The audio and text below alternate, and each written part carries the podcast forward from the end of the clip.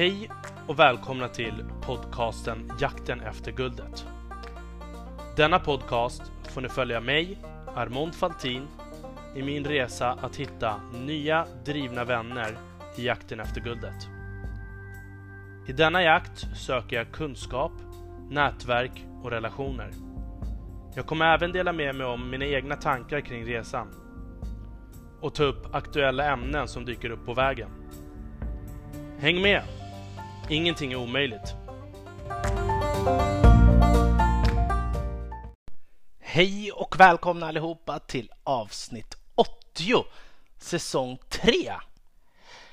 Jag vill börja med att tacka för eh, ert tålamod. Det har varit väldigt svårt att hålla upp en bra struktur nu här med, eh, med avsnitten. Det har varit en del förseningar och sådär och, och det beror på att det är otroligt svårt att hänga med i att fixa liksom ett innehållsrikt avsnitt med massa fakta, lite omvärldsbevakning. För att nu när man har hållit på ett tag, då vill man ju faktiskt leverera. Men eh, någonting som jag tycker har varit väldigt nice och man märker verkligen, alltså jag märker att ibland så kan man bara få såna här, vad ska man kalla det, clickbait om man råkar tajma helt perfekt med något vad det gäller omvärldsbevakning så bara rusar det i statistiken. Och det hände med förra avsnittet med Ant Group. Alltså, jag vet inte vad jag ska säga så här. Förut, förra året, när, eh, jag vet inte om det var i mars förra året eller i februari, så sände jag det här corona-avsnittet. Och det avsnittet är liksom fem, tio gånger mer spelade än något avsnitt någonsin. Och det är ju på, bara på grund av att jag råkade rapportera om corona, hur det var i Kina innan någon annan eh, svensk media hade rapporterat om hur det egentligen såg ut i omvärlden. Och själv var jag ganska missnöjd med det avsnittet. Men det, ja, den hamnade högt på listan för jag råkade vara först. Och nu har det hänt samma sak här med Ant Group. Och det är så här. Det är svårt att läsa av min statistik för att jag har ju haft en knivig strategi som uh, har, gått ut på att liksom bara försöka lyckas leverera avsnittet. Om jag inte har någon bra omvärldsbevakning, okej, okay, då får jag rapportera om hur min vecka har varit. Uh, om jag inte har någon gäst, då får jag rapportera om lite mysig omvärldsbevakning. Och om det inte händer någonting, så det har ju stått ganska still nu på ett tag. Men, men så hade jag ju gjort det här. Jag skrev faktiskt det här avsnittet om Ant Group för att det var innan jul. Och det tar ju ungefär... Jag tror att det avsnittet tog mig två hela dagar att bara skriva. Sen tog det ytterligare en hel dag att korta ner och då kortar jag ner det, läser om och om, och om igen och då förstör man rösten och så försöker jag spela in bara för att höra hur det låter. Och det gjorde jag med det avsnittet. Och sen så var det bara så här, jag var helt slut i huvudet. Så jag var så här, nej jag kan inte, kan inte släppa det här avsnittet. Och så gjorde jag det ändå veckan efter. Och det visade sig att det blev en hit bara på grund av omvärlden. Alltså. Och, och nu har jag ju sett att gammelmedia, alltså gammelmedia, Expressen, Aftonbladet, om man läser omvärldsbevakning, till exempel Dagens Industri eller Bloomberg, Forbes, Financial Times, allt sånt där, då märker man att Expressen, det är som en vanlig lokaltidning. Alltså du får inte ens några nyheter där i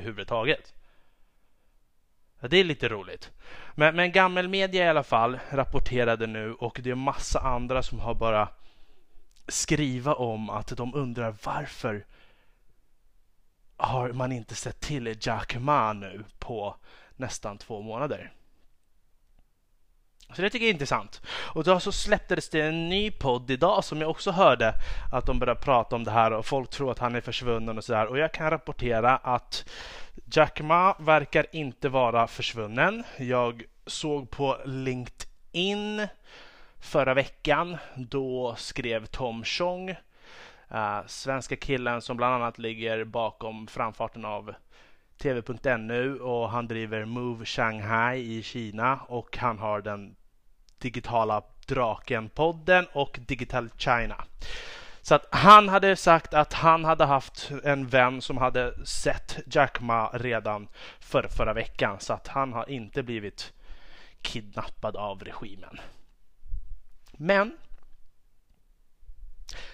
någonting som har, det här har ju varit liksom väldigt stort prat och sus om att liksom nu börjar det bli en del företag som blir alldeles för stora i Kina och har alldeles för stor makt. Och bland de här företagen, då är det ju också WeChat, den här chattplattformen. Det är ungefär som Facebook. Du kan chatta, du kan köpa saker, du kan dela ut olika, vad ska man säga,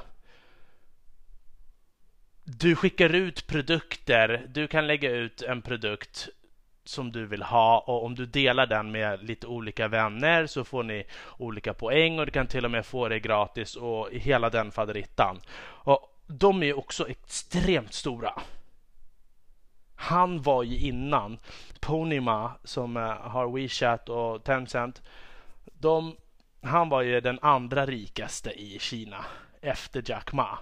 Men nu har det ju faktiskt kommit fram en ny person. Eller han är inte ny, men Asiens rikaste person nu heter Chong Chang San. Och han är rik på flaskvatten. Flaskvattenkungen som äger Nongfu Spring han har tidigare varit en eh, byggarbetare. Sen hoppade han in och var en nyhetsreporter ett tag och sen så har han jobbat som säljare och, och sålt liksom inom dryckesbranschen innan han startade eget. Och det intressanta med Chong är att han är ju, han har knuffade ner flera i Kina av deras rikaste personer och han, han är känd som the lone wolf. Han vill inte hänga med någon i societeten. Han är inte kompis med någon av de rikaste så går och syns på några event, ingenting. Han håller en extremt låg profil och, och typ känner nästan ingen. Eh, det är vad de säger i alla fall. Så det är, det är en intressant person som har tagit nummer ett. Och han knuffade ner då Asiens tidigare rikaste person Mukesh Ambani. Mukesh Ambani från Indien. Han är, var i telekombranschen. Så jag vet inte om han äger massa simkort och mobiltelefoner och det är där som har varit hans liksom kärna. Ja, så det är väldigt intressant det som händer just nu i Kina och de tror ju att det kommer bli lite mer människor som de kommer att ta fast där och eh, ställa om lite i företagen. Nu är det så här, ingen av oss, eller ingen av oss, jag tror inte att Jack Ma kommer gå och bli fängslad eller någonting sånt där. Och jag tror inte att de andra heller kommer vara det, utan nu handlar det om att man inte får låta låta de här stora megaföretagen bli ägda av några utländska intressenter. Så vad som kommer ske här är att stat, någon statlig bank kommer gå in som storägare i WeChat, alltså i Tencent. Någon stor statlig bank kommer gå in som storägare i Alibaba och Ant Group, någon stor statlig bank kommer gå in och som storägare. De pratar ju om Pinduoduo som också är ungefär som Taobao fast lågprisvarianten. Han har blivit Colin Chang har blivit nu Asiens eller Kinas näst rikaste person. Efter Chong Changsan som äger flaskvattnet. Så det, det här är, det är spännande! Och jag har ju pratat om Pinduoduo i tidigare avsnitt. Och ah, jag gillar ju att rapportera om Kina. Bland annat för att de ligger så pass mycket före resten av världen vad det gäller vissa saker. Det händer ju snabbt liksom. Och, och, och då är det liksom när man har svårt att hitta omvärldsbevakning här, då kan man alltid kika över till, ditåt liksom och då händer det alltid några spännande grejer. Så att uh, mm, det får vi se vad som kommer ske där. Jag lyssnade ju också på eh, en, också en av mina favoritpoddar. Antilop. Skriv ner det och börja lyssna på den. Antilop. Om ni tycker om omvärldsbevakning och lyssna på ja, våra resurser som vi har på planeten och hur man kan tjäna pengar på det vad det gäller jordbruk, metaller, stenar och så vidare. Då har vi Mikael Syding och Anna Svan som driver Antilop podcasten och har en hedgefond. Antilop Hedge tror jag den heter. Mm. Och där pratar ju också där pratar ju de i senaste avsnittet om vad just Kina håller på med. Att USA tror att de styr världen. De tror att de liksom alla är rädda och, och, och de tror att de vinner handelskriget. Men medan de går runt och krigar och låter andra hålla på och kriga och tjafsa och, och USA tror att de bestämmer så plockar Kina upp spillrorna under ytan, lagar allting, sätter ihop allting och ingen förstår ens vad det är som egentligen händer. Kina har en hundraårig plan. Och så tittar man på hur det ser ut i västvärlden som bara vill vinna de här fyra åren och bli president och, och liksom hoppas på att man ska bli ihågkommen så man kan skriva en bok sen och, och, och, och liksom så. Uh, så det gör ju att man inte direkt kan konkurrera och det är nu som Kina håller på med hur de har nästlat sig in i Sydamerika och i Afrika uh, vad det gäller att hjälpa till med infrastruktur i de fattiga länderna. Och till skillnad ifrån USA så tänker ju kineserna långsiktigt. De har tillräckligt mycket man att liksom stödja de här länderna under längre period samtidigt som du rent ut sagt inte kan kasta ut ett land som Kina från ditt land. Som till skillnad som eh, eh, ja, andra sydamerikanska länder har gjort med USA tidigare. Mm. Så att det här kommer bli jättespännande. Och eh, alltså jag tänkte att jag kanske skulle berätta lite hur, hur statistiken har sett ut nu senaste året. Jag har ju haft en, en plan på hur, hur jag vill liksom att det ska stiga. Och det är ju svårt. Man kan ju inte riktigt säga när det kommer att släppa och vilka avsnitt är det ni tycker om bäst och sådär. Uh, det har varit ganska jämnt nu. Senaste året har varit ganska jämnt. Jag märker att vanligt gnabb håller ganska bra. Men eh, jag vill kunna leverera gäster eller omvärldsbevakning om jag ska kunna få in gäster så att de bara märker att det inte bara är gnabb när de går in och lyssnar på min podd. Men eh, så det har varit lite svårt. Uh, och, och, och, där har jag i alla fall fått att jag har stigit 145 procent i följare. Så att när ni följer podden i Apple eller Spotify eller vad det är.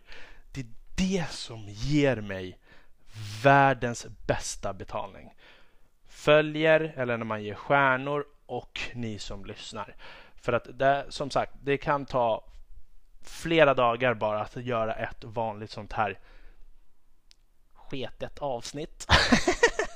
men, men det är 100% värt det när man liksom tittar på statistiken. Så att 145% är följare, 64% är lyssnare, 46% uppåt i timmar och 27% i streams. Podden har lyssnats på i 13 länder. Jag har gått upp 200% i USA, 61% i Sverige och 25% i Norge.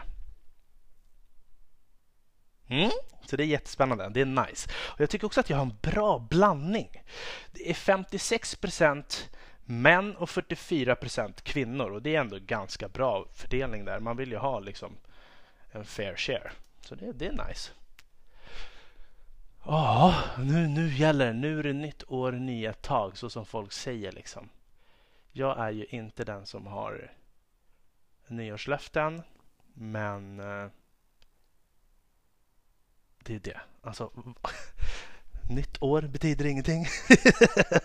Helg betyder ingenting, sommar betyder ingenting, vinter betyder ingenting. Det låter nästan tragiskt, men det gör ju inte det. Och det är det som har gjort att man kanske istället slaktar och bränner ut sig när man egentligen behöver vila. Men eh, det här året så tror jag i alla fall att jag... Det enda jag ska tänka på det är att hålla hälsan. Träningen måste get back in business. Alltså för nu jäklar! Om man ska kunna orka klampa in och ta mark. Mm. Så att uh, jag tror att det här får vara allt för det här avsnittet. Och skriv gärna in till mig vad ni tycker och tänker. Uh, är det okej okay att bara lämna vanliga skitgnabbavsnitt när det inte finns någon omvärldsbevakning? Ja, men det måste det väl vara. Jag måste vara trogen till mina lyssnare. Helskotta. Mm. Det här får vara allt för den här gången. Men hur som haver, fortsätt skicka in till mig och skriv vad ni vill ha för gäster, vad ni vill ha för ämnen eller si och si och hi och hi och hå. Och... Nej! Just det! Alltså, någonting som jag... Ni har ju märkt att jag gillar ju Asien och rapporterar om Asien och hela det där. Men mitt absoluta favoritland är ju världens mest innovativa och moderna land, Korea. Alltså, det finns en serie, en Netflix-serie som jag skulle vilja rekommendera er att titta på. Ni som ändå har lyssnat en del på podden och, och, och liksom det är ju väldigt mycket om jakten efter guldet, hur det kan se ut i resan. Och den här serien visar ganska tydligt och de är med i hackathons, de jagar team och ja, det är en bra ljusglimt i hur det faktiskt kan se ut i startup-världen. Och seriens namn är Startup på Netflix kolla upp den serien och, och kika på den och, och, släng gärna in vad ni, era tankar, vad ni tycker och tänker. Um, jag gillar den, den är väldigt liksom hands-on i hur det kan se ut. Och det spännande där är också att tjejen som det handlar om, eh, hennes riktiga namn är Bei Su Ji hon är ju en otroligt framgångsrik skådespelare och nu under corona, hon äger faktiskt fastigheter för nästan 750 miljoner kronor. Och under, eh, under coronakrisen nu så har hon sänkt hyran till alla sina hyresgäster med 50 procent för att hjälpa till nu under coronakrisen. Mm. Så att eh, det är lite spännande. Jag ville bara lägga in ett lite serietips där. Jag försöker alltid få in alla att liksom börja kolla på koreanska serier. För att Korea är, det är liksom varje land har sin grej. Kollar du på turkiska serier, de har liksom sin style och touch. Spanska serier samma sak, sydamerikanska samma sak.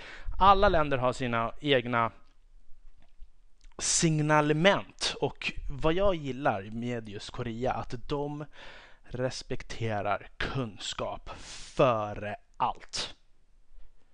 Det är nästan aldrig så att det är en person som gör bort sig och det gör att den ena vinner över den andra. Utan här handlar allting alltid om kunskap. Och det, det, mm. Kika på den och eh, hojta gärna till om ni har några synpunkter och säg vad ni tycker och tänker. Och så länge Jakten efter guldet mina vänner. Vi hörs igen nästa vecka med vänliga hälsningar Armon Faltin.